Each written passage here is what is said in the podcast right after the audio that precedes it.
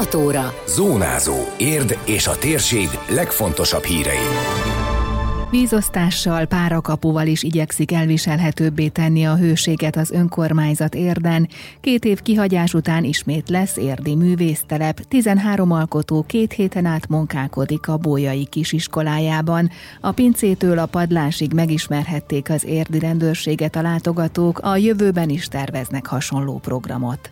Köszöntöm Önöket, a Zónázó 2022. június 29-i adását hallják. Ez a Zónázó, az Érdefem 1013 hírmagazinja. A térség legfontosabb hírei Szabó Beátától. Párakapu, vízosztás, locsolás, miként a korábbi években is a hőségriasztások idején egyebek mellett ezekkel a módszerekkel igyekszik az érdi önkormányzat segíteni, hogy a forróság elviselhetőbb legyen a lakosság számára. A forgalmasabb helyeken ivóvizet biztosítanak a járókelőknek, valamint ha szükség lesz rá, az utakat is locsolni fogják, mondta el László Ferenc, a polgármesteri kabinet kommunikációs vezetője. Most is végig a kánikula időszakában a bentéren, illetőleg a stop shopnál vizet osztanak a kollégáink. Ugyanakkor, miután a főtér szinte teljes egészében le lett kövezve, betonozva, tehát egy sajátos kialakítása van a főtérnek, ez kánikula idején elképesztően fel tud melegedni. Tehát valósággal égett a meleg ebben az időszakban a főtéren, ezért két párologtatott helyeztünk ki, ami szinte az egész főteret átéri, és így próbáljuk valamelyest a hőmérsékletet csökkenteni. Illetőleg, ha szükséges, és az önkormányzat jött, tehát hogyha ez még rosszabbra fordul, akkor az IGFI természetesen az aszfaltozott utakat öntözni is fogja. Ez még nem történt meg, de hát valószínűleg sor fog erre is kerülni a következő napokban, hetekben. A Szociális Gondozó Központ ebben a kritikus időszakban még jobban odafigyel az általa ellátottakra, illetve az EKF szintén igyekszik megóvni a hőségtől a szabadban dolgozó munkatársait, tette hozzá a kommunikációs vezető. Az közterület fenntartó intézmény a dolgozóinak folyamatosan védőitalt és óránként pihenőidőt biztosít. Ez ugye azért fontos, mert az itt dolgozók többsége kint dolgozik, ugye kertészekről, takarító munkatársakról van szó, tehát ők vannak kitéve leginkább a kánikulának, odafigyelünk rájuk is. Ezen felül pedig a szociális gondozó központunk pedig jelentős erőfeszítéseket tesz az idősek, illetve a hajléktalanok védelmére ebben az időszakban. Az országos tisztifőorvos csütörtök éjfélig adta ki a legmagasabb fokú hőségriasztást az ország egész területére. Két év kihagyás után újra lesz művésztelep érden. Július 10-től 13. alkalommal tartják meg a kéthetes alkotótábort. A helyszín ezúttal is a Bójai Általános Iskola, ám nem az Erzsébet utcában, mivel ott a napközis tábor működik, hanem az Alsó utcai épületben.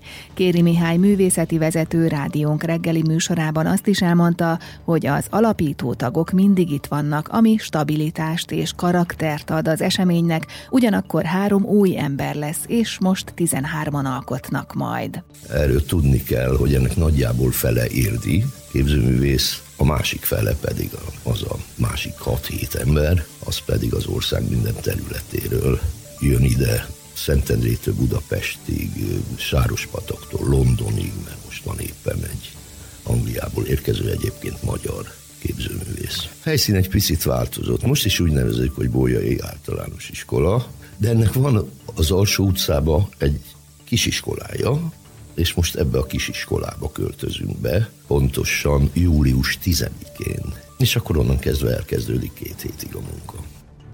Tematika nem lesz a művésztelepen, bár korábban előfordult, hogy meghatározták a témát, de jobban szereti, ha nincs megkötve a művészek keze, jegyezte meg Kéri Mihály.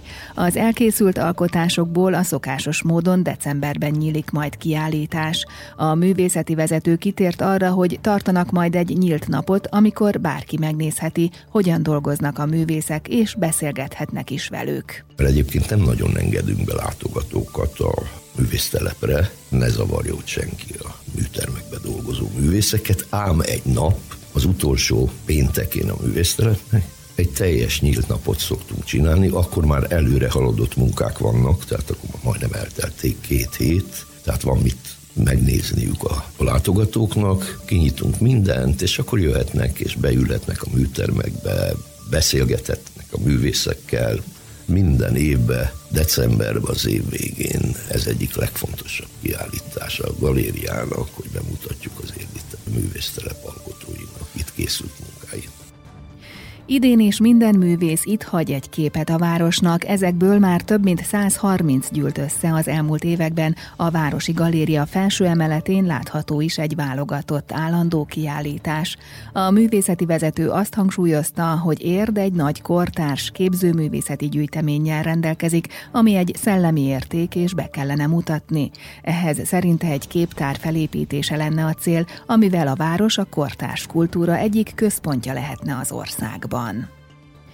Toborzás és közeledés. A rendőrség is csatlakozott a múzeumok éjszakájához országszerte, így érden is várták az érdeklődőket a felső utcai épületben. A pincétől a padlásig mindent megmutattak a látogatóknak. A rendőrség éjszakája rendezvényel szerették volna jobban megismertetni, közelebb vinni az emberekhez a rendőrök munkáját, de elsősorban kedvet csinálni ehhez a hivatáshoz, nyilatkozta Nogula Tamás, az érdi rendőrkapitányság vezetője, a vasárnap 21 órától éjjel 1 óráig tartó rendezvényen. A jövőben is terveznek hasonlót. Szeretnénk minél több fiatalt arra csábítani, hogy rendőr legyen, iskolaőr vagy fegyveres biztonsági őr, és nálunk itt az érdi rendőrkapitányságon dolgozhasson, illetve szeretnénk nyitni mindenféleképpen az állampolgárok irányába, hogy a rendőrség az értük van, meg szeretnénk mutatni, hogy hogyan is dolgoznak a kollégák, milyen speciális helységeink vannak, az előállító helység, a detektív tükrös szoba, szoba, honnan irányítják a kollégákat a szolgált parancsnoki helységből. Fönt nekünk van egy ilyen rekreációs teraszunk a kollégáknak, onnan kezdődött a rendezvény, és onnan egészen le a pincéig, ahol egy konditermünk van, ott fejeztük be a mai napot. Mindenféleképpen szeretnénk hagyományt teremteni ennek a rendezvénynek, és vagy ősszel, vagy majd egy év múlva ugyanígy a múzeumok éjszakájának a időpontjához, közeli időponthoz fogjuk rakni ezt a nyílt rendőrségi napot.